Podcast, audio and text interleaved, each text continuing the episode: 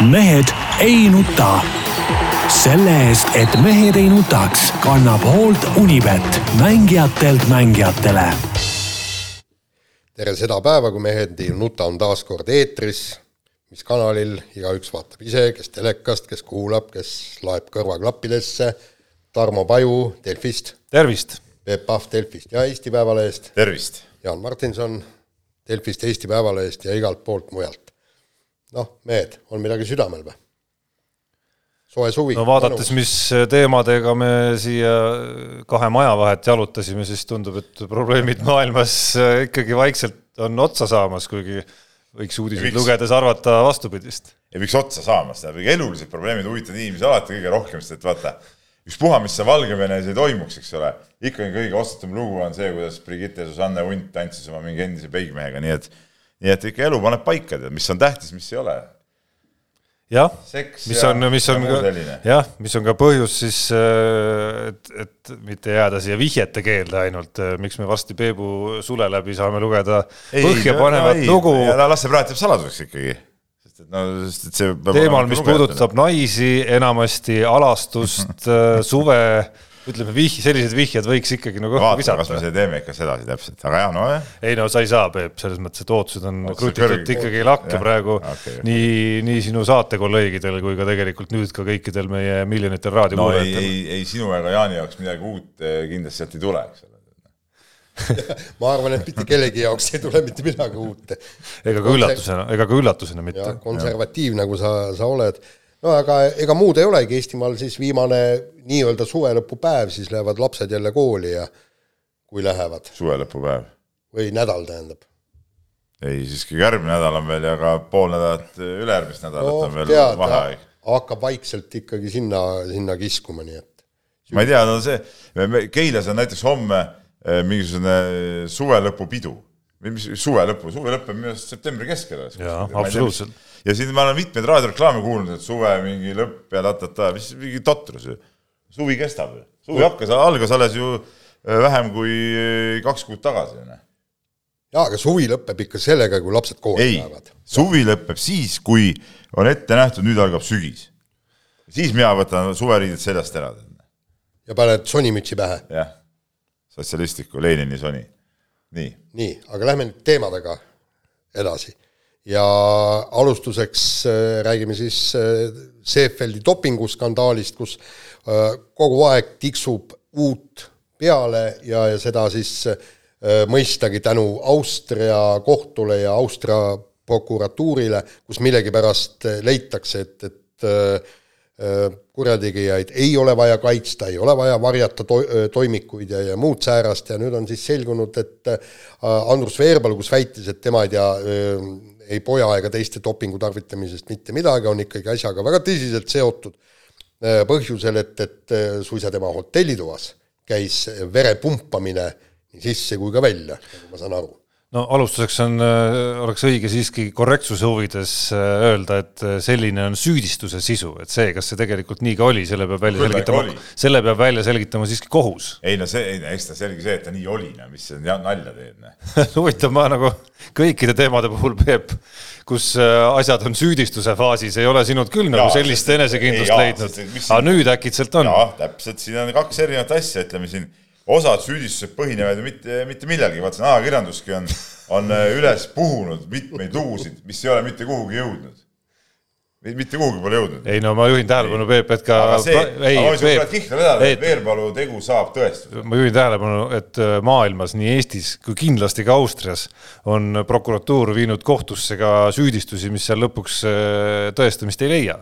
kas sa oled nõus siin otse-eetris praegu vastu kihveda, et Veerpalu Andrus Veerpalu süü eh, selle toa eraldamiseks, dopingu eh, pumpamiseks eh, leiab kinnitust? ma arvan, et ei ole, sest ma ütleks nagu tõenäosuslikult, ei, ma ütleks nagu tõenäosuslikult, et ole omamata mingeid protsente ja, ja teadust siin taga, et ilmselt enamik juhtudel ikkagi äh, prokuratuur äh, võidab kohtus, aga, aga see ei, noh, see on ka põhjus, miks ma ei hakka siin viiskümmend, viiskümmend kihla vedama, aga, aga siiski. mina oleks sinuga nõus küll mõnede episoodide aga... peale, kus ajakirjandus on siin mõne inimese elu võib-olla ära rikkunud ja asjad, asjad pole kuhugi jõudnud kihla vedama, et need ei, ei jõuagi reaalsuseni tegelikult, ma oleks küll nõus sinuga kihla vedama. jaa, aga noh, seda, ei, seda, seda enam, Peep. see jääb sealt ikkagi. ei, nagu vastupidi nagu, Peep, seda enam, Peep, räägid sa endale vastu seal, et Eestil on korrektne rääkida siiski süüdistusest.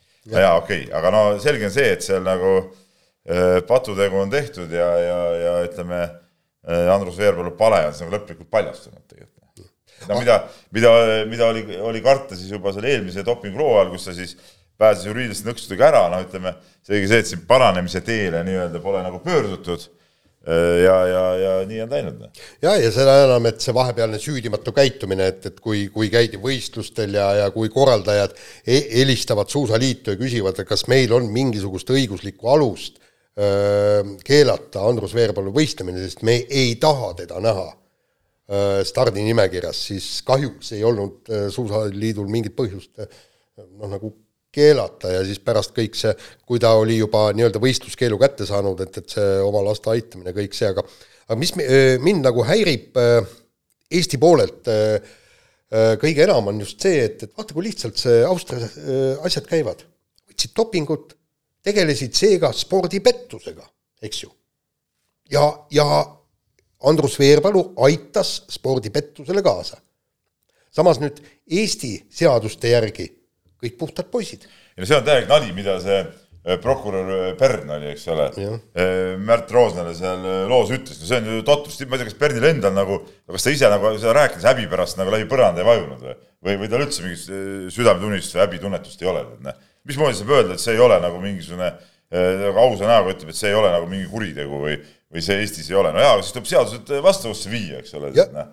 ja, ja ikka leiaks mingid nõksud, kuidas pätid vahele võtta, aga tahete natuke vajada, mitte niimoodi seal mämmutada, nagu Eestis asjad käivad. just, ja, ja seal me, ma olekski oodanud just äh, seda sõnumit, et jah, meie seadusandlus on puudulik ja me peaksime selle spordipettuse samamoodi sinna äh, sisse viima.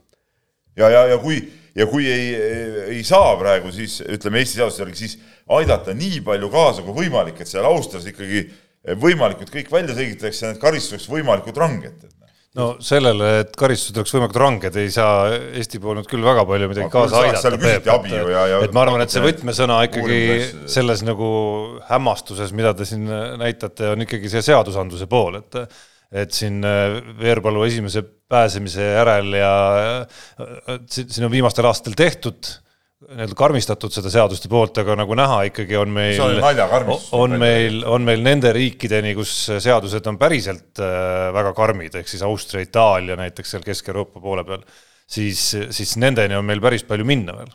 ja, ja seal, seal ongi, praegu ühesõnaga süüdistatakse siis ähm, Tammjärve ja äh, Väikest Veerpalu äh, nii-öelda pettuses ja, ja need summad olid noh mis seal olid, üle viie tuhande euro ja siis nad panid siis sinna, tähendab ühesõnaga, et see, et suusafirma Fischer andis neile tasuta varustust ja, ja, ja kui me vaatame nüüd Eesti case'i, siis siin on jah. ei no tõelise, ei no selle, selle, ei, ei no ma kujutan ette, et sa tahad öelda, et kui me räägime sellest kui pettusest, siis ja. selle pettuse tõelised mõõtmed on tegelikult Eesti pinnal. palju no riigi, minu raha on välja petnud ju kokkuvõttes. no rääkimata no. muudest sponsoritest peale Fischeri. kuule, need sponsorid on täitsa tühi asi selle kõrval.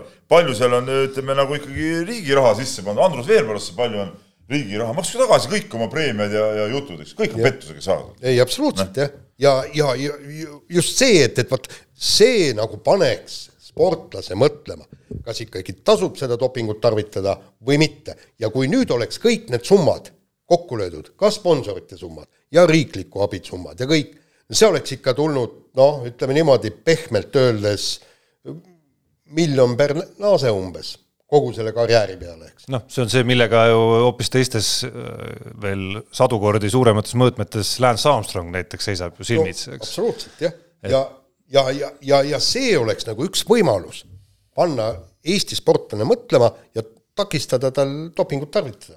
jaa, et see oli minu arust huvitavalt arutles noh, taaskord Kristjan Port selle üle, sport on ju päris pikalt üritanud olla selline no nagu omaette süsteem, eks ole, et me oleme ise omavahel kokku leppinud mingid reeglid, mis puudutavad ka keelatud ainete kasutamist ja kui sa siis rikud neid reegleid, siis sa kuidagi nagu selle süsteemi siseselt saad ainult karistada, et, et, et sa ei lähe välja kohtutesse, sa ei lähe välja äh, mingite raha suurte trahvide ja asjade juurde, on ju, et sa saad lihtsalt, keelatakse sul mingiks ajaks osalemine, võetakse sul süsteemi siseselt mingid saavutused ära ja nii edasi ja nii edasi, on ju. et see on nüüd see nagu järgmine samm, kuhu asi sellistes riikides nagu Austria ja Itaalia on jõudmas ja mulle tundub, et see nagu noh, tundub justkui nagu vääramatu, et see asi sinnas suunas nagu liigub, kuigi iseenesest on võimalik nagu vaielda, kas peaks või mitte.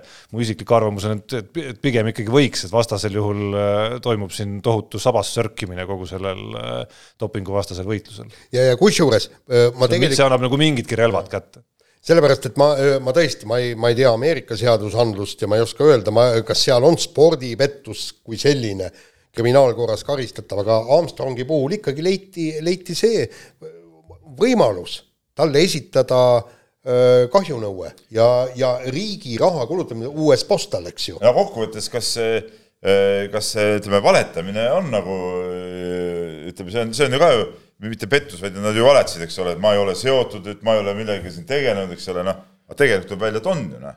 kuidas see, kuidas see Marion Jones ju lõpuks oligi süüdi ju selles, et ta ju, ju valetas, eks ole, valetamises. ja, ja aga noh, ta tegi, ta tegi seda vande all, et noh, selles, et selles seisnes see tema rikkumine, aga, aga mis no, puudutab jah, nagu seadusi, ja aga mis puudutab seadusi ja karistusi, siis noh, siis need on need väga lihtsad pügalad, mis äh, nagu näha, Austria näitel on võimalik karmimaks keerata, et seda ohtu siis oluliselt kasvatada sportlaste jaoks. ja, aga ja riski mis... ja riske kasvatada aga, aga ja see ja neid pettuse elemente oli nii palju, et see Fischer seal selles konkreetses Eesti sportlaste kaasuses, noh, see tundus ju selline täiesti köömes, on ju.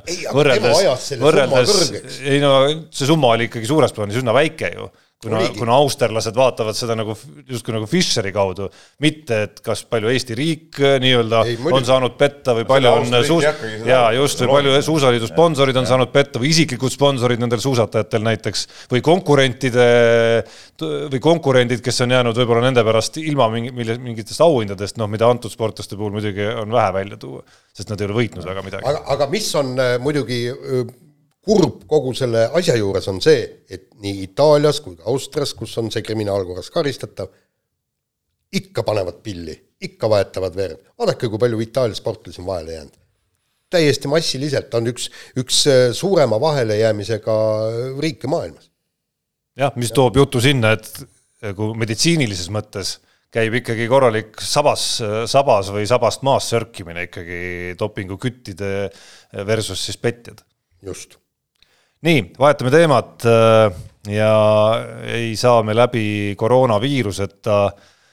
maailm üritab eluga edasi minna kuidagimoodi, spordimaailm täpselt samamoodi ja need äärmused, äh, mis meil siin nädala jooksulgi on läbi käinud, on, on siis üsna suured, et äh, ühes otsas on, on Eesti jalgrattakoondislased, kes ei pääsenud siis eelmisel nädalal võistlema Balti keti velotuurile seoses siis äh, nende liikumisvabaduse piirangutega, mis on äh, seatud süsteemselt kõikidele, kes tulevad Eesti riiki piirkondadest, kus äh, nakatumiskordaja on piisavalt kõrge, siis nii-öelda vahepealne, vahepealne ja kõige suurem osa sellest teemast võib-olla on erinevate ürituste ja, ja sportlaste ja pallimängumeeskondade nagu BC Kalev Cramo eestvedajate koostöö, ütleme siis nii, ja, ja arutelud valitsusega selle üle, et mismoodi selle spordieluga edasi minna ja mismoodi neid erandeid hakata looma ikkagi, et saaks Rally Estoniale ja Lõuna-Eesti rallile tulla kõik rallimaailma tipud, ilma et nad peaksid kaks nädalat kuskil kinni istuma.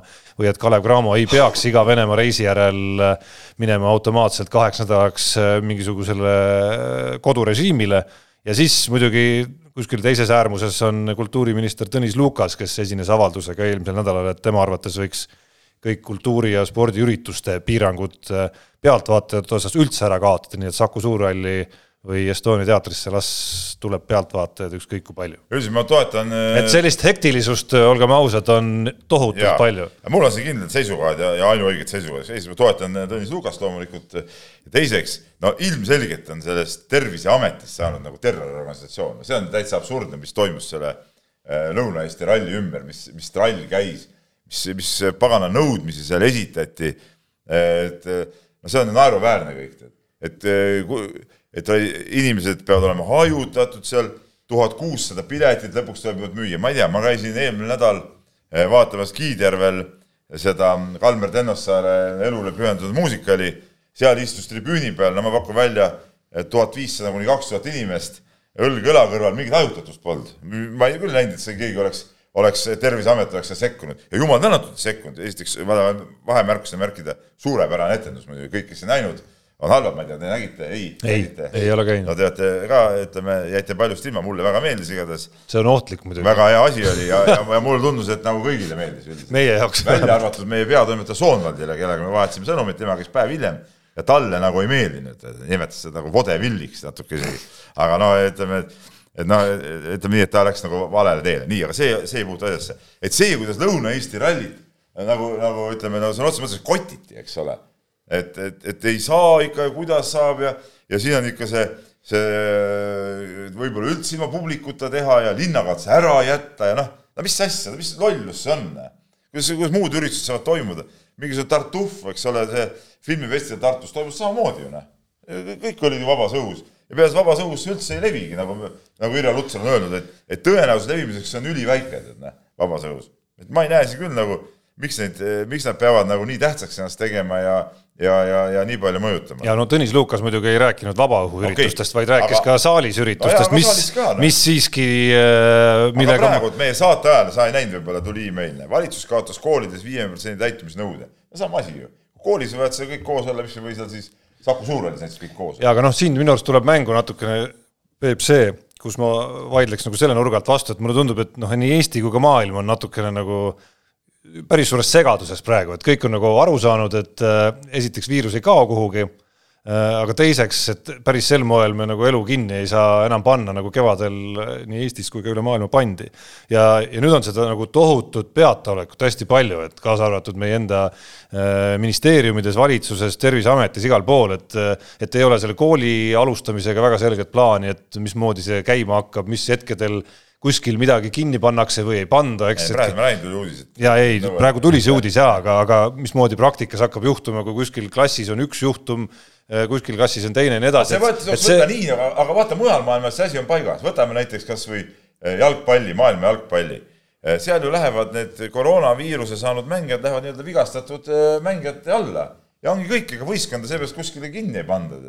Need vennad pannakse kõrvale ja võistkonnad mängivad, noh, et see on ja see ongi ainuõige asi, ega siis ja, sa ei saa, saa aga, aga, aga ja nii nagu kõik, kõik on nagu natuke segaduses ja kõik otsivad nüüd ja testivad, noh, eile, eile sai ise natuke tegeletud äh, turismi teemaga, et siin, kui Kreeka läks äh, siis nii-öelda punasesse nimekirja, siis samal ajal on näiteks Roodose saar ja Kreta saar on ju nagu hoopis teistsuguste näitajatega. Ja turismifirmad äh, üritavad siis valitsuselt saada erandit, et et neid turismireise ei peaks kinni panema, no loomulikult no, inimesed ei ole nõus minema sinna reisile, kui nad pärast peavad kaks nädalat istuma no, kodus. loomulikult ei peaks et, kinni et, panema reise. ja vot niimoodi igal elualal siis äh, nii-öelda üritatakse eluga nüüd kuidagi edasi minna. ja täielik idiootsus ja, ja, ja oota, oota Peep siiski, et, et ma tahan jõuda alguse juurde tagasi, et noh, kuskil on loomulikult nagu prioriteetsemad asjad, kus ma arvan, on nagu mõistlik rohkem riskida viiruse mõttes ja kuskil vähem, et noh, see, et Saku Suurhalli paneme pealtvaatajaid täis, tundub mulle nagu suures plaanis mõttetu, aga see, et me läheme koolieluga edasi nagu ikkagi nagu sada protsenti, see tundub mulle hädavajalik. nii, aga, aga siin, siinkohal ma tahan esiteks selle koolielu aga oota, ei sorry, ühe asja ütlen veel, et mis puudutab nüüd seda Peebu pikka juttu nende Äh, igasugu ürituste jälgimise piirangute osas, siis siin ma pean küll nõustuma, et ma tahaks, et need reeglid, mis on tehtud, neid järgitakse nagu ühtemoodi, mitte nii, et Lõuna-Eesti ralli korraldatud ühtemoodi luubi all, siis oli vist hip-hop festivalil kuidagi äkitselt äh, ühe kontserdi osas oli tohutu juurdlus, aga siis on tohutu hulk üritusi, kaasa arvatud ka siseüritusi, mida minu arust tasuks ikkagi nagu eriti hoolikalt vaadata. noh, kasvõi seesama, sorry korraldajad, aga seesama tenniseüritus siiski seal ei olnud ei viiekümne protsendi piirangu jälgimist ega ammugi mitte hajutatust. ja, ja ei olnud ja midagi ei juhtunud. seekord ei juhtunud, seekord. kuule, Eestis ei olegi ju mingit ohtu, saad aru? ei, no ma ei ole nõus sellega. praegu jumala okei okay olukord. aga see, et paar inimest päevas jääb haigeks, see on täitsa normaalne, no selles ei ole midagi halba. Noh. selle koolide suhtes ma ütlen. minu, minu sõnum, jälle ma segan vahele, vabandust, on lihtsalt see, et, et hoiame need nagu riskantsemad valikud asjade jaoks, mis on elutähtsamad, nagu näiteks koolide avamine. ja aga näiteks selle koolide puhul on see, mis mind häiris, oli see, et, et öeldi, et iga kool otsustage ise. see on absurd. jaa, sest praegu pandi kõik koolidirektorid vastutama ja, ja, ja see oli täpselt samamoodi, see tuleb äh, täpselt seesama äh, Saaremaa case kui äh, võrkpalli case on ju, ja siis kõik hakkavad umbes poriga pilduma seda, kes peab selle otsuse tegema, eks. nii, ja, ja täpselt sa kujutad ette nüüd, kooliaasta varsti algab ja praegu direktoritel, kellel on niigi mõttetööd palju, eks, nad peavad veel vot siin ka vastutuse võtma. aga, aga mis ma tahan äh, lõpuks on pooled omavalitsusjuhid astuvad tagasi, ma arvan, nagu Madis Kallas no,. et kui Tallinnas, et kui absoluutselt, täiesti totter, sest Terviseamet peab neid asju ette ütlema, kuidas, kuidas me käitume. just, aga, aga näiteks no. aga, aga, aga, sest... aga siis Terviseamet peab ka mõistuspärase, mitte, mitte terroriorganisatsiooni võtmes neid asju tegema. ei no ta peab süsteemselt eelkõige tegema. ei, mitte süsteemselt, vaid nad ei tohi nagu, no süsteemselt ka jah, see on õige aga nad, nad ei tohi nagu üle nagu pingutada, tead näe. kui ma olen kuulnud, ma ei hakka siin välja rääkima, ma olen kuulnud neid suhtlusi, mismoodi Terviseameti suhtlus käib, kuidas seal nagu, nagu pannakse ikka niimoodi puid alla mingite ürituste korraldajatel, no see on ju, see on ju ajuvaba, mis seal toimub nüüd nad võib-olla tunnetavad ka mingit võimu seal. jaa, aga noh, teisalt on mõned juhtumid päris paljud, kus on nagu, nagu alahuvi, ütleme siis nagu huvi on liiga väike, võiks suurem olla. jah, aga, aga nüüd siis eile lõpuks tuldi sellele mõttele ja, ja, ja no muidugi need Eesti koondise jalgratturid, kes karantiini viidi. miks ei või kõik inimesed, kui ta tuleb reisilt, ta peab tegema proovid, kohe Test. proovid ära ja, ja lõppkokkuvõttes, kui keeruline on panna siis mobiilne testimiskoht sinnasamma lennujaama. sa teed proovi ära ja sa oled kohustatud kaksteist tundi selle, sellel ajal no oled kodus, eks ole, sa tead. ja no ütleme. ja, ja, ja, ja oma raha eest riik sellest, selle eest ei maksa mitte midagi, eks. ja, ja, ja, ja ongi väga lihtne see on, see on minu meelest palju õigem, kui istuda seal kas siin mitte teadusnõukogu ka ei tulnud? ei no see ilmselgelt, noh, see ilmselgelt liigubki ju ülemaailmselt selleks samaks teeks, mismoodi neid asju nagu liikuma hakatakse panema, needsamad spordivõistluste korraldajad, needsamad meistrite liiga finaalturniiril või UFC võitlussaar või NBA mull on ju, noh, põhimõtteliselt on nad ju kõik ehitatud üles sellele samale asjale, et me nagu testime iga väikese aja tagant ja üritame nagu tegelikku ohu nagu selgeks saada, sama, sama on nende Kretalt tulijatega või siis nendesama jalgratturitega või Kalev Cramoga. küsimus on ainult selles päevade arvus, on ju, et tõesti kahteteist või neljateist päeva noh, kui sa tahad eluga edasi minna, sa ei saa kinni hoida, sest siis elu seisab lihtsalt. et äh, kaksteist tundi tundub mulle ka natukene vähe, on ju, et sa äh, võib-olla nagu neli-viis päeva on, siis sa nagu, kui sa nelja-viie päeva pärast teed selle testi. ei, ei, no sa, ei no sul ei löö, see proov ei anna kohe tulemust, kui sa näiteks lennureisil tagasi kuskil lennujaamas said viiruse, siis nelja-viie päeva pärast on, ütleme, see oht tegelikult ei, möödas, kui sa siis ei ole nakatunud. aga praegu näiteks Rally Estonia kõik, kõik need tiimid, kes siia tulevad nemad annavad ju proovi ja kahe, seal on kõik juhendis on kirjas, kaksteist tundi, selle ja. jooksul peab tulemus selguma, kõik nii. ma saan aru et... jah, aga ütleme, kui nad reisimisel äh, nakkuse said, siis see proov ei näita seda. ei no jaa, aga siis on, siis on ka see on. iga päev, mis sa nagu venitad veel edasi seda nagu, aga no ütlen, neljateist päeva ja kaheteist tunni vahel on päris suur ala veel. okei okay,, aga tei-, teeme siis niimoodi, et sa annad täna proovi kahe päeva pärast proovi. et ühesõnaga see lahendus tuleb kuidagi leida, et see elu tõesti seisma, aga kuule, lähme nüüd järgmise teemaga edasi. nii, ja lähme edasi ja lähme Lõuna-Eesti ralliga veel edasi tegelikult, sest et see nädalavahetuses toimub, tuleb väga võimas üritus, ütleme taseme poolest täpselt sama, mis eh, MM-ralli Rally Estonia, lihtsalt eh, sisuline vahe on see, et üks on MM-ralli ja teine on on siis lihtsalt nii-öelda nagu, nagu kontrollralli, kuigi tegemist on Eesti meistrivõistlusetapiga ja see muudab selle võistluse Eesti jaoks nagu, nagu eriti oluliseks. ja, ja, ja päris palju eestlasi on siis äh, ütleme seal juba proovimas ennast Rally Estonia jaoks, pluss siis Rally Estonia nimekiri sai lukku ja, ja, ja palju eestlasi on stardis, aga mind see natuke see eestlaste nimekiri ikkagi nagu kurvastas tegelikult. nimelt? Äh, no seal ei ole minu silmis ühte Eesti perspektiivikumat rallisõitjat äh, Karl-Martin Volverit, kes, kes tegelikult nagu pidi ka sinna tulema, aga ja, ja tegeles kõvasti selle projektiga, et sinna tulla, aga, aga viimasel hetkel on nimekirjast välja jäänud ja seal on tore on küll vaadata, et näiteks vennad Kruudad sõidavad, aga ütleme, no nemad on ju selles suhtes ikkagi nagu noh, ma ei usu, et nendel on mingi ambitsioon veel kuhugi jõuda aga, aga kahekümneaastasel rallimehel kindlasti ambitsioon on ja, ja sellest on väga kahju, et tema seal näiteks ei saa osaleda. ei no miks Krudadel tegelikult neid ambitsiooni on, aga neil ei ole võimalusi, vot see on äh, see. no jaa, aga no, te, no tegelikult nad äh, noh, jah, ma saan aru, noh, ütleme äh, no nad ei tegele praegu ju ka sellega, et ikkagi kuhugi tippu enam jõuda, no ma arvan, et Karl Kruda kindlasti mitte enam. jah, aga, aga mind nüüd huvitab see, Peep, mis sa ise nüüd arvad, kuivõrd põnevaks öö, kujuneb see Lõuna-Eesti ralli tegelikult, kuivõrd need tiimid panustavad sellele võidule, Ott Tänakut, Riine Villits, Sebastien Ogier, kui, kuivõrd tähtis see on? Või me, me näeme ikkagi seda, et, et igaüks proovib pigem katsetada, testida. No kindlasti nad katsetavad ja testivad, aga sa kujutad ette, kui seal on Neuvill, Tänak, Lööb, Evans, kõik vennad on stardis, et neil on siis nagu ükspuha, kes võidab või? Kujutad seda ette või no,? see on ju võistlus ikka kokkuvõttes. kuule, ja, ja kui sa lähed pärast intervjuud tegema. ei no see, mis nad räägivad, see on ju, see on ju umbluu tegelikult, sa saad ise ka aru, sa oled nii palju rääkinud spordist, sa tead seda, et tihtipeale kõik need jutud on ju umbluu tegelikult oma hinges nad igal juhul, nad, keegi ei taha kellelegi kaotada, anda ka psühholoogilist eelist, et et kuule, et näe. ei no vastupidi, sa võid ka, sa võid ka siiski mingil määral kavaldada, et noh, eh, vabatreeningutel vormel ühes ka muudetakse aega, on ju, aga noh, sellegipoolest ega nüüd väga suurt numbrit ei tehta sellest, kas sa vabatreeningul oled esimene või seitsmes. aga, aga ikkagi nad jäävad ikkagi sõitma selle peale, et olla teisest kiirem jah, aga, aga mis, mis puutub Rally Estonial osalevaid Eesti rallisõitjaid, siis on tegelikult ääretult huvitav just vaadata, kuidas nad koduradadel maailmastaaridel vastu saavad. Aga keda sina siis, Jaan, ütleme just nende Eesti meestest nüüd, kes seal osalevad, pead nagu kõige perspektiivikamaks, et ta võib nagu mingi kõrgema koha peale jõuda ja ütleme, ega tal nagu tulevikus kõige rohkem perspektiivi? no vot, see ongi küsimus. ega tegelikult ega ei olegi mida ei ega, ole? ega tegelikult ei olegi, ma ei näegi praegu, ma tahangi näha, et, et kuidas nad on maa, nii-öelda maailmastaaridega, kuidas nad suudavad seal võidu sõita, aga ma ei näe kahjuks ühelgi rallisõitjal perspektiivi hakata sõitma nii, nagu sõidab praegu Oliver Solberg, kuidas sõitis öö, omal ajal Kalle, Kalle Rovanpera, ehk metoodiliselt ja süsteemselt hakata jõudma rallimaailma tippu, raha ei ole. nõus, aga, aga, aga sa, sa ei näe, et nad suudaks niimoodi sõita.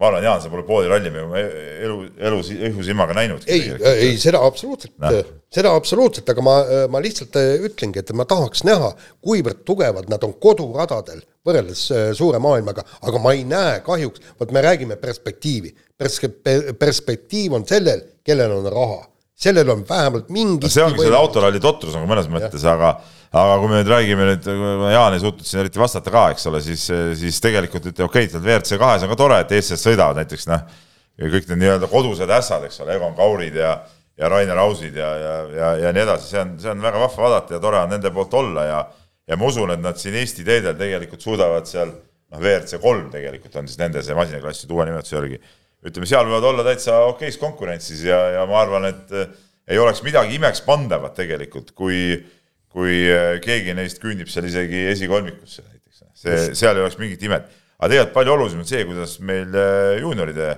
klassis noored poisid sõidavad, et see on nagu ikkagi see, see reaalne, reaalne mõõdupuu. nii on nii, äh, võtame järgmise teeme ja kiiresti meistrite liiga. Ja no see, mis Bayern tegi Barcelonaga, minu meelest oli see täiesti häbiväärne lüüa kaheksa väravat. Ja ma, ma arvan tegelikult, et, et Bayern oleks pidanud nagu äh, viisakamalt suhtume nii suurde klubisse kui Barcelona, löövad viis ära, kõik aitab küll, nüüd tõmbame tagasi ja me ei häbista, me ei häbista Barcelonat. ega see mingisugune lastevõistlus ei ole, kus ma saan tõesti aru, et seisul kakskümmend üks null võib-olla võiks tõesti natukene see on see rajooni meistrivõistlused koolide vahelised, et kui on vahe on juba nii suur, seal ja. mingi mõned punktid, siis, siis lõpetame ära. aga, aga see oli ikkagi muidugi selge, selge, et natuke see mäng sarnanes sellele Saksamaa-Brasiilia mitte natuke natukene. see Kalev Kruus ütles seda ülekande, kas oli see esimese, kas teise või kolmanda värava järel vist, kui ta selle lause juba välja ütles ja noh, edasine kõik meenutaski. no absoluutselt, aga, aga nüüd, nüüd selgub. seda mängu ennast ei näinud, ma olin, siis ma olingi teatris parajasti. ja aga, aga nüüd siis, nüüd siis selgubki, et, et Barcelona nii-öelda postid, mis olid kunagi tugevad ja, ja mis viisid võidule, on ikka läbinisti mäda ja tegelikult praegu kogu maa, jalgpallimaailm räägibki rohkem Barcelonast kui sellest meistrite liiga nii-öelda poolfinaalidest. no see on ehe näide on Barcelona tead sellest, kuidas ühte meeskonda nagu, meeskonna ehitamine mingi hetk jäeti nagu pooleli ja ei, ei hakatud nagu seda koosseisu uuendama, värskendama, ühtede meeste seljas ratsutati ja ratsutati ja lõpuks nüüd praegu ongi, kus põhikoosseis on sports, sports parim enne. jah, täpselt ja ja midagi nagu uusi pole peale kasvatatud, et selles suhtes on, on Barcelona seis muidugi keeruline, seal on tehtud väga palju minu arust halbu ja, ja valesid valikuid selles suhtes. jaa, aga noh, kui me kiirelt ei, räägime nüüd meistrite liiga võitjast, siis no ma ma ei oska öelda, noh tahab... no väga vähe on neid, kes julgevad äh, pakkuda kedagi muud kui, äh, kui Müncheni Bayernit ilmselgelt, et see, see on muljetavaldav. jah, BSG äkki.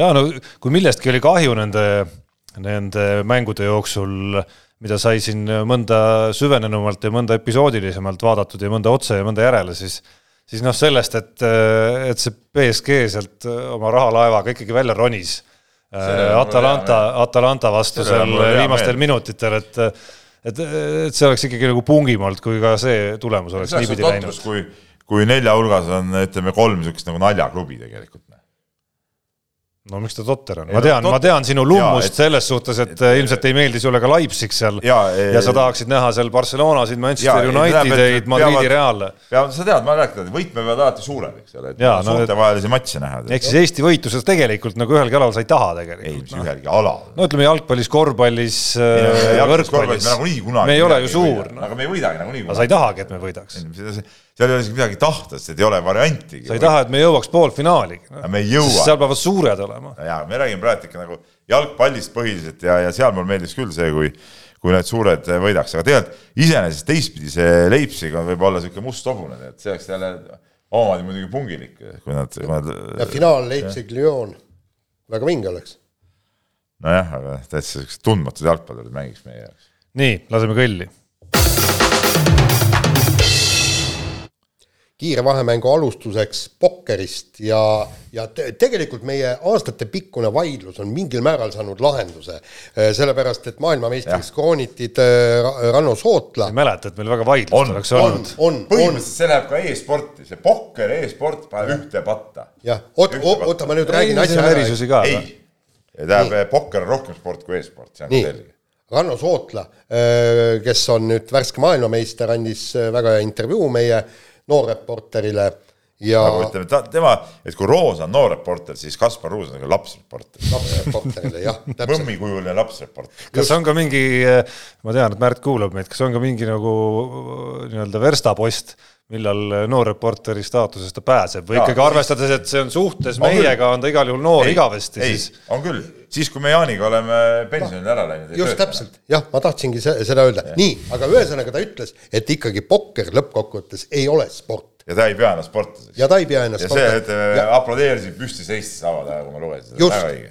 aga minu arust, minu arust tõestas see jutt hoopis midagi muud. mitte seda, kas äh, pohher on sport või ei ole, mis äh, see oli põhiküsimus, mille ma käskisin see võis olla küsida. põhiküsimus küll, aga minu arust tõestas see vastus ilmselgelt seda, et teie üritused kogu aeg seda defineerida on täiesti mõttetud, sest kokkuvõttes on jumalast ükskõik, kas me nimetame seda spordiks või mitte seal on mingeid spordisugemeid, on mingeid asju, mille, mistõttu ta ei oota, ole sport. Tarmo-sugusele euroliberaalile, ütleme, selgrootule on see ükskõik. aga ütleme, päris inimestel see ei ole, see on põhimõtteline küsimus. muide, Tarmo, Tarmo, mäletad, kuskohast see pokker alguse sai, minu meelest see algas siis veel, kui me sinuga olime Õhtulehes. kas pokker peaks olema spordikülgedel online'is või ei peaks olema. mina veel õhtul ajast töötasin, siis seda küsimust isegi ei tüh-, ei püstitatud veel. ja ei, ja ei no pokker tuli ka siis võib-olla hiljem ja mäletad, me panime sinna ikkagi lõpuks tuli siis see, see märk, et pokker, aga sporditoimetus oli selle vastu. No... vot see, vot see on nüüd see küsimus näiteks, et mille alla peaks pokker kuuluma ja ma ei ole nõus sellega. hasartmäng.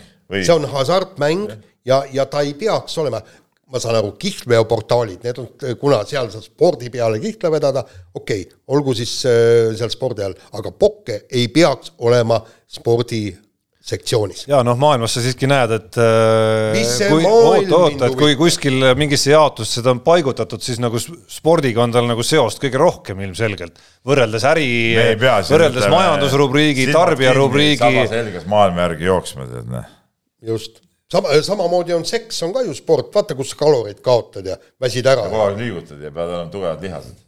Jah. no seksile leidub siiski oluliselt mõistlikumaid kodusid erinevate portaalide nii-öelda nagu no aga selles minu rubriikide puus minu, meelest on seks spordile palju lähemal kui pokker arvad jah? ja ma nõustun. milles see nagu võistlusmoment, milles see võistlus, milles see võistlusmoment seal seisneb siis? oi ei no see ei ole võistlus, see on, see on nagu treening.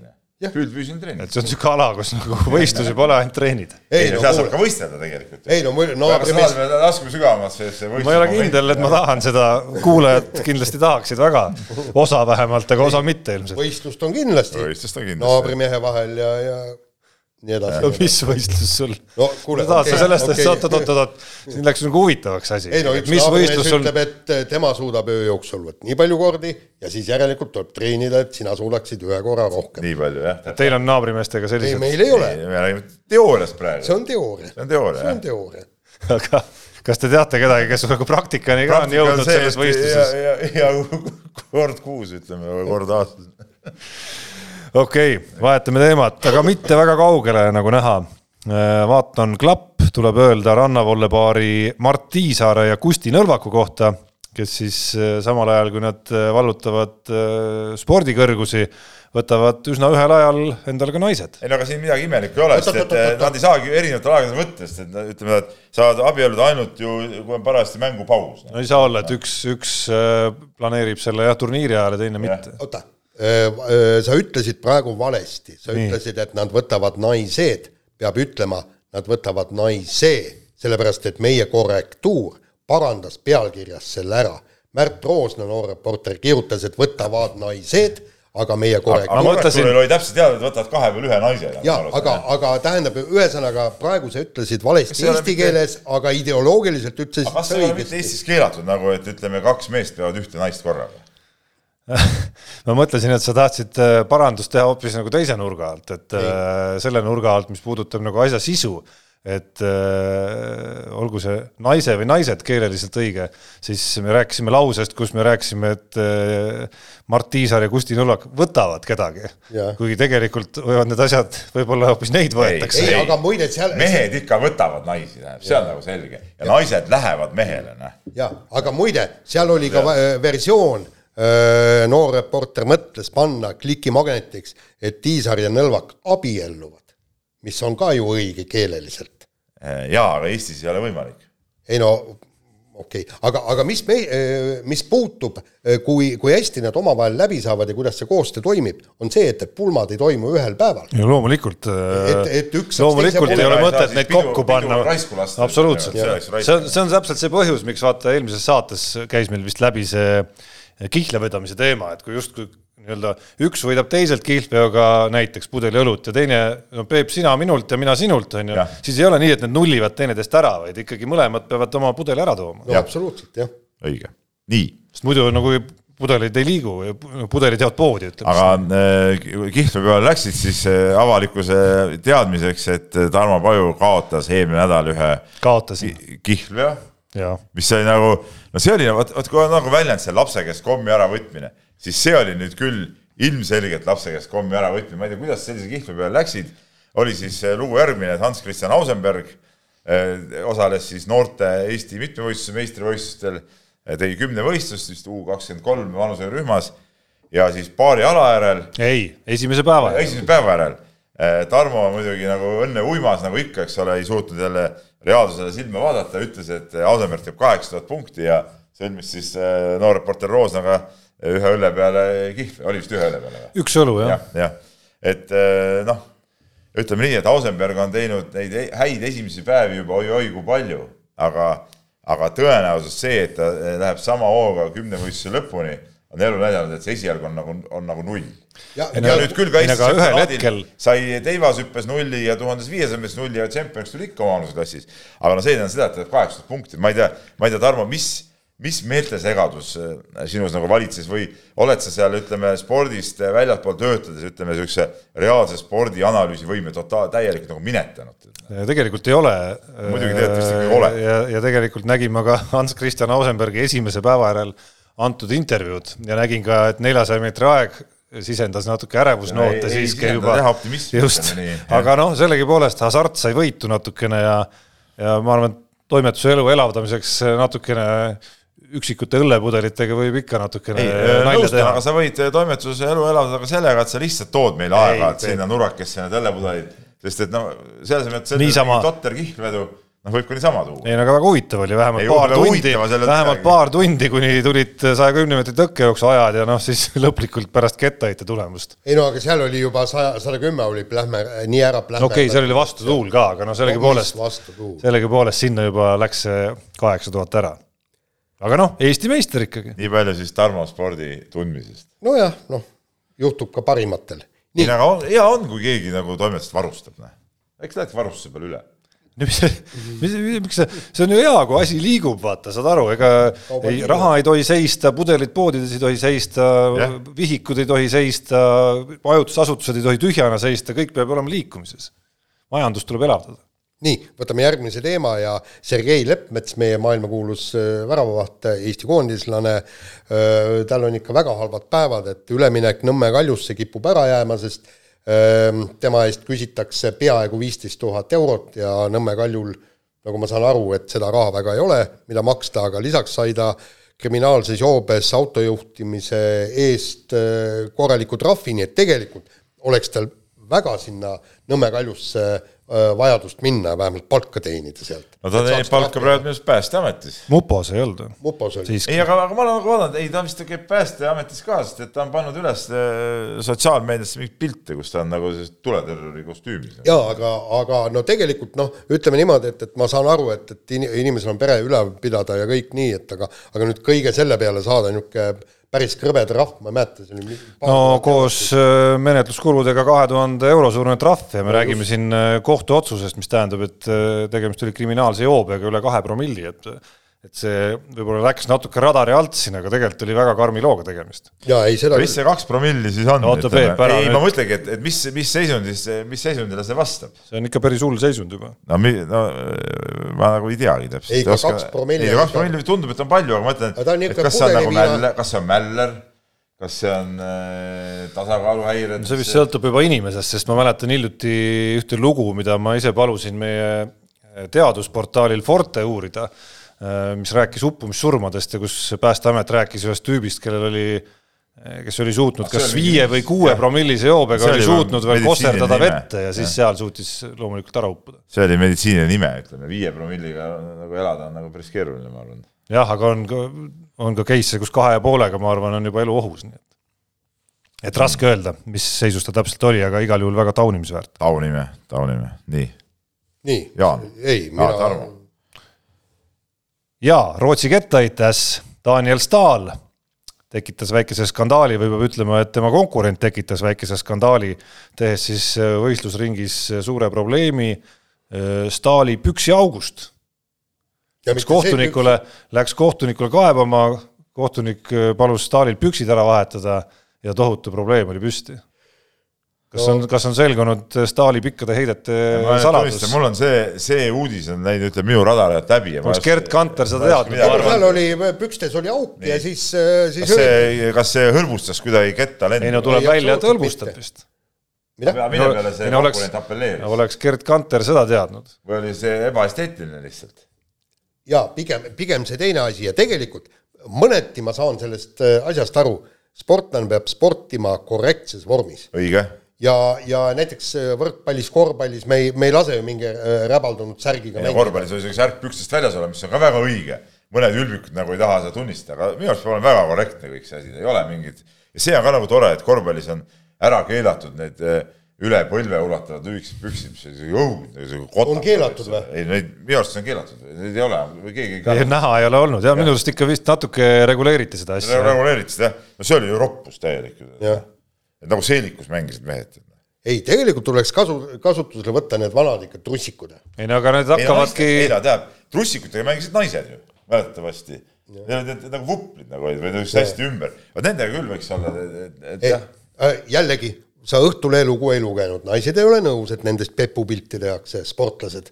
et võrkpallurid olid eriti pahased, kui nad selja tagant näitavad kombinatsioone, eriti rannavõrkpallurid. Ja siis pildistatakse ja siis nad räägivadki, et noh, nagu aga miks nelja nad, aga miks nad nagu looduse vastu sõdivad, ma ei saa aru.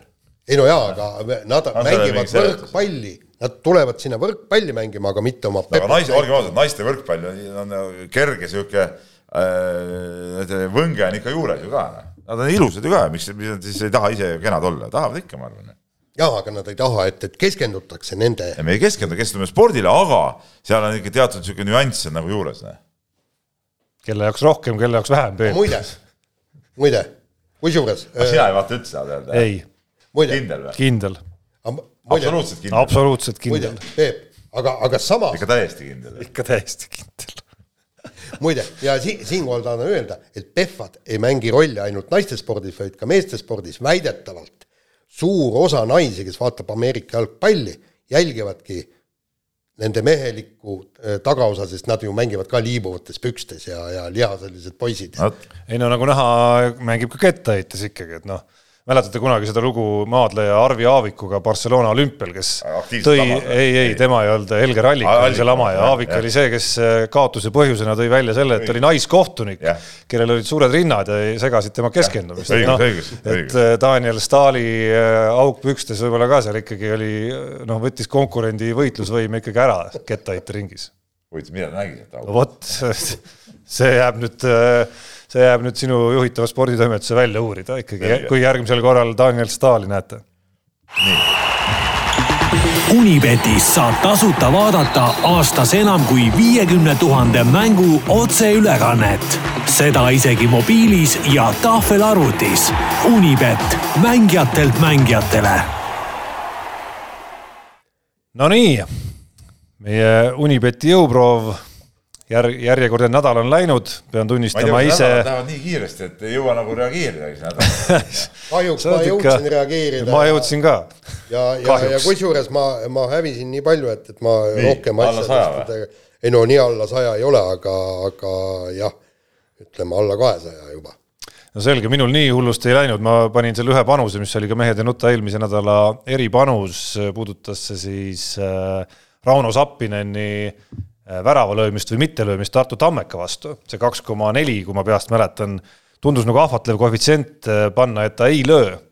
sest äh, noh, niisugune fifty-fifty küsimus, kuueteistkümne mängu peale kuusteist väravat, aga aga kui eelmisel korral mängisid Tammeka Flora null-null viiki, siis nüüd tuli kolm-üks ja sellest kolmest no paratamatult oli vist loogiline, et Zappinen ühe ikkagi enda nimele sai, nii et väike kadu sealt tuli, aga ei ole hullu, kakssada seitsekümmend ja purjetame edasi sealt siis. aga sa, ole, sa, sa oleksid, aga sa oleksid võinud ikkagi panna Barcelona kaotuse peale ja seisu peale. kusjuures üks, üks täiesti rumal hetk, ma mõtlesin selle peale, ma olin teleka ees, kui algas Manchester City ja mis oli Lyoni mäng. ja, ja, Lyoni... ja Kalev Kruus ütles eetris, et Lyoni võidukoefitsient oli mingi kümne kandis kuskil. ei, isegi üle. no ühesõnaga, see tundus kuulata juba nii absurdne, et äh, me räägime ju meistrite liiga veerandfinaalist äh, meeskonnast, mis oli Juventus hetkel välja, hetk varem välja lülitanud, on ju, et see tundus juba nii absurdne. aga no näed, loll ei teinud seda hetke, et võtnuks telefoni kätte korraks ja selle väikese, väikesegi seemne sinna kas või ühe eurokese ära panna. küll ma mäletan, ma eelmisel nädalal täitsin siin Unibeti seda nii-öelda meistrite liiga erimängu ka, aga seda kahtekümmet viite tuhandet ma ei võitnud.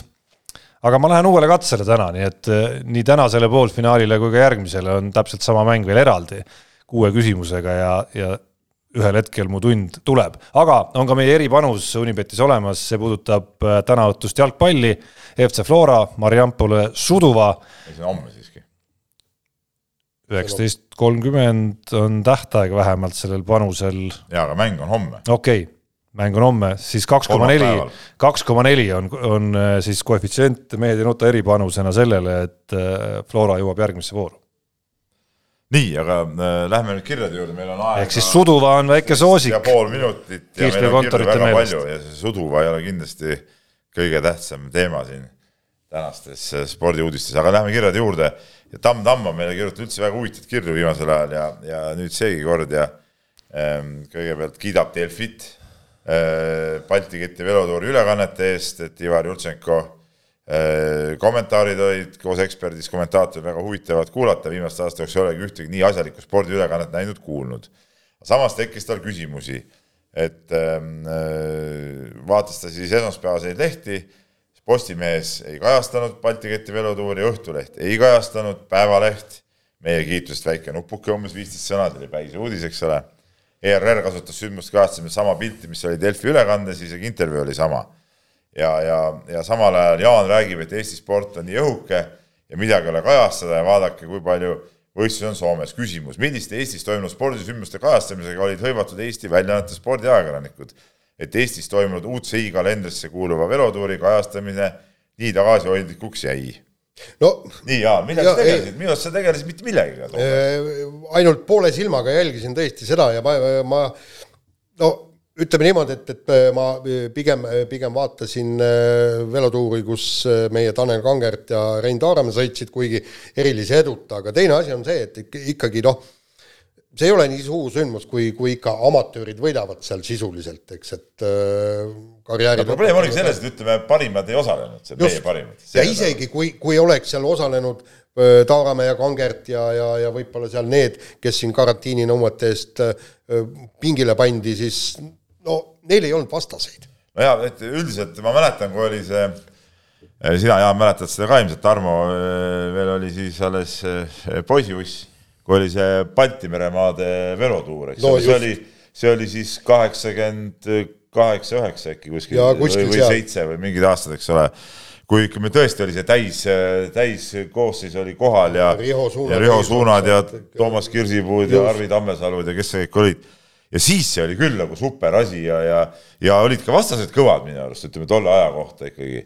ja, ja, ja siis tasus küll seda kõike jälgida ja tegelikult vot sellistest asjadest, nagu me siin rääkisime ka, nagu oli see Eesti-Läti tennise maavõistlus ja vot samasse kategooriasse läheks ka niisugune velotuur, kus ütleme, meie piirkonna tugevamad kõik sõidaksid kaasa. tegelikult äh, tunneme nagu puudu spordis ja, ja vot siis peaks küll seda kajastama normaalselt ja, ja korralikult ja, ja võib-olla üldse, äh, ma olen natuke Tamm-Tammiga nõus ja spordiajakirjandus peab ikkagi natuke tuhka pähe raputama ja tegema natuke üleolevat võib-olla suhtume ka ütleme niisugusesse lihtsamatesse võistlustesse. eriti Jaan, sina muidugi oled no, üks patuhoidja. no ma ilm, ilmselt olengi jah, ilmselt olen, aga. selline vastutuse veeretamine ei, praegu. sellepärast, et meil oli eile, meil oli eile lihtsalt mm., ma ei tea, kas avalik, okei okay,, ma toon ka, jutt käis jalgratta Eesti tsempionaadist ja me ütleme, Jaan ei pidanud seda isegi nii oluliseks, et sealt nagu fotograafi sinna tellida, sa pidid teda natuke nagu hurjutama, hurjutama, samas muidugi teeb Jalgrattaliit ja ma hurjutan neid ka, kõik selleks, et ega neid nagu eriti ei, ei kajastaks ka, eriti võtame selle täna hommikuse nalja, kus kus selgus, et eh, Keilas toimuvad Eesti jalgratta meistrivõistluste eraldi stardiga sõit eh, toimub Laagris. ajuvaba täiesti. siis, kui ma eh, saatsin emaili ja küsisin, et ja, ja Jaan helistas ka Jalgrattaliitu, et mis, mis pull on, siis vastused olid täiesti absurdsed, mis see, mis jalgrattaliidust öeldi. et, et noh, et, et jah, et juhendist te saate lugeda, et Keila äh, võistlus toimub tegelikult laagris. noh, et ega nad teevad ka ise kõik selleks, et esiteks punkt üks, ei oleks mitte ühtki inimest vaatamas seda võistlust ja punkt kaks, et meedia jumalast kohale ei, ei tuleks, meedia oleks no, see Keilas, eks ole. ei, aga te, seal ongi, no ma, ma mäletan neid Eesti meistrivõistlusi, kui kogu meedia oli kohal, mäletad, kui olid seal Kirsipuu, Tombak, Püts ja, ja seal käis lahing ja seal ikkagi noh kui, kui vend ei võitnud, siis ikkagi rattad lendasid põõsasse ja, ja oldi seal omavahel mindi vaata et kättpidi kallale. kui, kui seal lasti kolmandal mehel võita ja kõik, seal oli seda intriigi ääretult palju, aga need kõik olid ju nii-öelda tegijad vennad no seal käis ikkagi väga põhimõtteline heitlus, et kellel, kellel, kellele on auasi lasta see sinimustvalge järgmiseks aastaks selga ja, ja kellel mitte. just, ja kusjuures seesama sinimustvalge oli ju tegelikult eurospordi ekraanil. olgu ta veel siis Tombaku seljas, Tombak sõitis ju ka suuri tuure ja kõik, Kirsipuud, Ausid, kõik, kes seal olid. kõik olid ikka nagu tegijad mehed. no just nii, läheme kirjadega edasi, Mati kirjutab meile eelmise saate Jaani jutu peale, kuidas tal äh, Jaani naine korjas kahe tunniga viis liitrit mustikaid, aga nüüd äh, Mati naine äh, lõi selle resultaadi üle, läks siis Mati orienteerujana metsa jooksma tunniks ajaks ja tuli autole tagasi ja naine oli korjanud seitse liitrit mustikaid ka kombainiga, sellest me muidugi Mati naist hurjutame, et miks ta oma nobedaid näpukesi tööle ei pannud, vaid kombainiga korjas, nii nagu Jaani nainegi, eks ole aga noh, ta ütleb, et no joh, Heidi ise küll ei suudaks, et naised on ikka tublid, ma ütlen, Mati, naised ongi tublid, kiidame. no olemata seda kombaini elus nagu näinud isegi vist Suke, ja käes, ja käes hoida, ei, ma tean tema tööpõhimõtet. Jah, siis ma ei, ei suuda neid koguseid nagu hinnata, küll suudaksin ma väga pädevalt anda mingit väikest äh, touch'i sellele vestlusele, mis puudutab nagu kätega, näppudega korjamisele. näppude korjamise häda on see, et nad rohkem äh, selle korvi asemel korjavad suhu selles on nagu minu probleem. jaa, aga muidugi selle, selle kombainiga ka, kui ma vaatan, sellega ikka tuleb sellega suudi panna, siis lehed on hulgas, vot see ongi see, et sul ei, ei ole seal võimalust nagu siis nagu sööma hakata. jaa, aga lehti õnneks ei ole palju, seal on see konstruktsioon niisugune. ei, lehti jääb ikka päris palju kombainiga põlema. jaa, aga teine sellepärast oligi näiteks äh, Nõukogude ajal minu arust oli kombain keelatud, et äh, tõmbas nagu rootsuks jah, aga seal, seal seda on, see on asi... ikka, seda on ikka mustikametsades käies mingites kohtades natukene minu arust nagu ma ei ole küll mingi ekspert, aga mulle tundub nagu kohati natuke liiga palju näha, kui sealt on neid taimi ka lõhutud ikkagi. nii aga..., oota, oota, Jaan, aita mind sellest teemast. ei, ma tahtsin nüüd... öelda, et ikkagi viisteist, Tarmole saatsin viisteist liitrit kukeseeni jälle ikka samast kohast.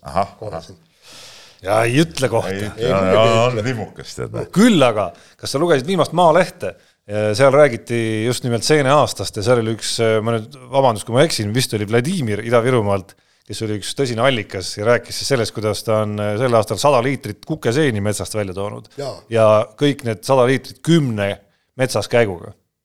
kümme liitrit per kord. no aga ma, ma olen ka kümme liitrit per kord, olen, kolm korda olen käinud, äh, kümme liitrit, kümme liitrit ja viisteist liitrit see ei ole ka aus minu arust, et, et selliseid kohti hoida niimoodi. ma pean talle töökoormust tõstma, et ta ei saaks seal käia. nii no,, muidu läheb, muidu läheb, muidu läheb. või, või me ükskord paneme lihtsalt saba taha, ma arvan. jah, täpselt. kuule, vaata neli minutit aega, meil on kirju nii palju ja kõigepealt hurjutame Jaan äh,, seda Tarmot tähendab.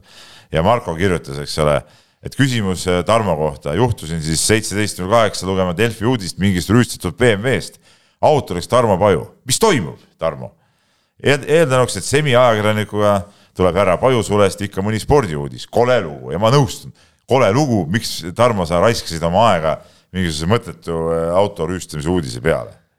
Äh, vastupidi, koledat ei ole siin mitte midagi, ma hakkasin selle küsimuse peale mõtlema, et kas nende aastate jooksul äh, Delfi tegevtoimetajana, et millised on need rubriigid või kanalid Delfis, kuhu ma ei ole mõnda uudist üles pannud, räägime siis eestikeelsetest kanalitest ja ja ma arvan, et neid on suhteliselt äh, vähe, võib-olla võib-olla oma maitsesse ei ole no, see pannud või see on nõrk õigustus praegu. ei, ei vastupidi, et noh, töö on selline, et tuleb vajadusel ükskõik kuhu Tarmo. teha ja panna. aga, aga, aga tead, mis Delfi te, no see konkreetselt Delfi... oli lihtsalt ühe pressiteate avaldamine muidugi olude sunnil ja kogu lugu. jaa, aga Tarmo, millest Delfi puudust tunneb, on sinu spordikommentaarid, vot seda ma tahaks. nagu ta ei jaganud sporti, me oleme siin aru saanud no,, ütleme, et ma, see ei läbiks seda, ütleme, valiksõela. ja no ma ei ole pääsenud püünele. ei, aga tegelikult korvpallikommentaarid no minu meelest korvpallist ära ammu enam, püha müristus. ei pääse löögi, ma saadan kogu aeg ju Peebule, kogu aeg saadan, aga jäävad kuskile sahtlisse kinni no.. täienda,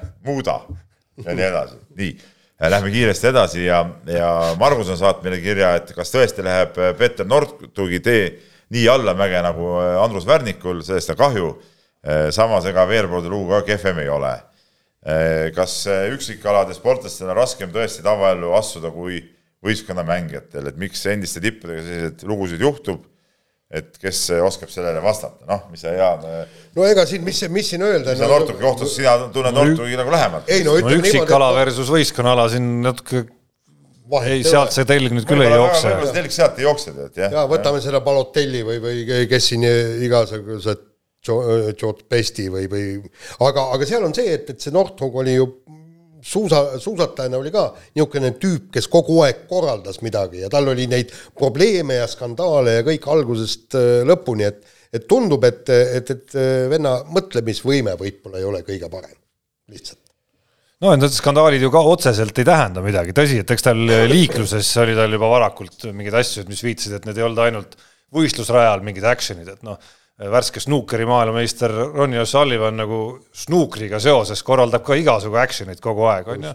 Aga mis ei tähenda seda, et see viitaks kuidagi tema nagu mitte hakkama saamisele nagu eluga. ei no ma mõtlen mitte suusatamisega, see, et, et ta skandaalid sponsoritega ja, ja alaliiduga ja kõik, et nad äh, ikkagi vend ron, ronis kogu aeg sinna, kuhu ta ei oleks pidanud ronima, aga noh. Nii, meil on nüüd minut aega, võtame need kaks kirja ka, muidu keegi arvab, et me ei taha neid teemasid puudutada. Urmas ja, ja Eno Astok on meile kirjutanud siis kuulsa Martin Helme ja Delfi vahelisel teemal, kus Martin Helme siis vastas Delfi ajakirjaniku küsimusele, et Delfi jah, see on see libauudist, libauudiseid tootev portaal, kus töötavad Paris, Kiisler, Koorits, Roonemaa. ma pean ütlema, et ma loen Delfit, sealt, sealt ei saa midagi peale libauudiste.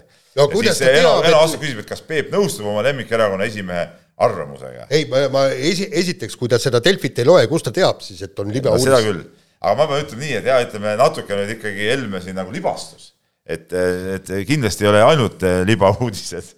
Et on nagu normaalsed uudised ka, ei no tegelikult no, Peep, see, olgem ausad, on ikka häbiväärne avaldus siiski, inimene ei saa oma rollist aru. Äh,. libauudiseid seal ei toodeta küll, aga ma natuke mõistan äh, tema frustratsiooni ajakirjanduse suhtes, sest et olgem ausad, Eesti ajakirjandus on ikkagi nende erakonna suhtes, on ütleme negatiivselt kaldu ja, ja selle vastu vaielda on tegelikult võimatu ja nüüd on kuule, Savisaare vastu oldi ka, aga Savisaare nahk oli piisavalt paks, Helmed on lihtsalt lapsikud.